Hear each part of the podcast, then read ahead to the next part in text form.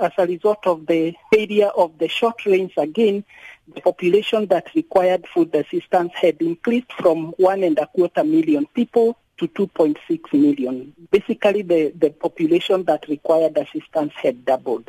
From that time, yeah, in February, up to where we are, the government is estimating that this population has increased to about 3 million people and that is the last figure that we've had from the government. Volgens Mwangi is die droogte nie 'n nuwe probleem in Kenia nie. The drought in Kenya is a cyclic problem. From 2017 we had another drought in 2014 we had a major drought in 2011 before that we had another drought in 2009 and before that we had another drought in 2005 2006 so it is cyclic.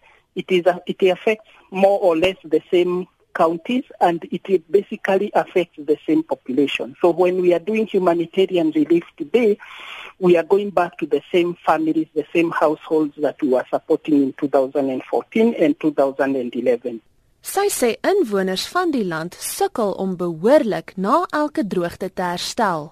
So these communities have vulnerabilities. They are gradually becoming poorer and poorer.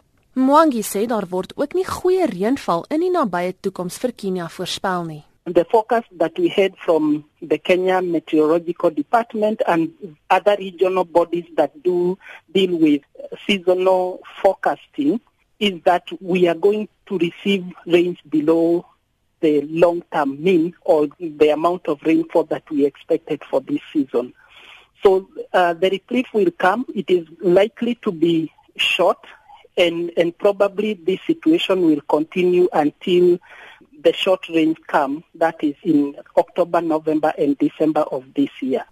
Dit was James Mwangi, die spanleier van die in Kenia. Ek is Dianke Nel vir SAK nuus.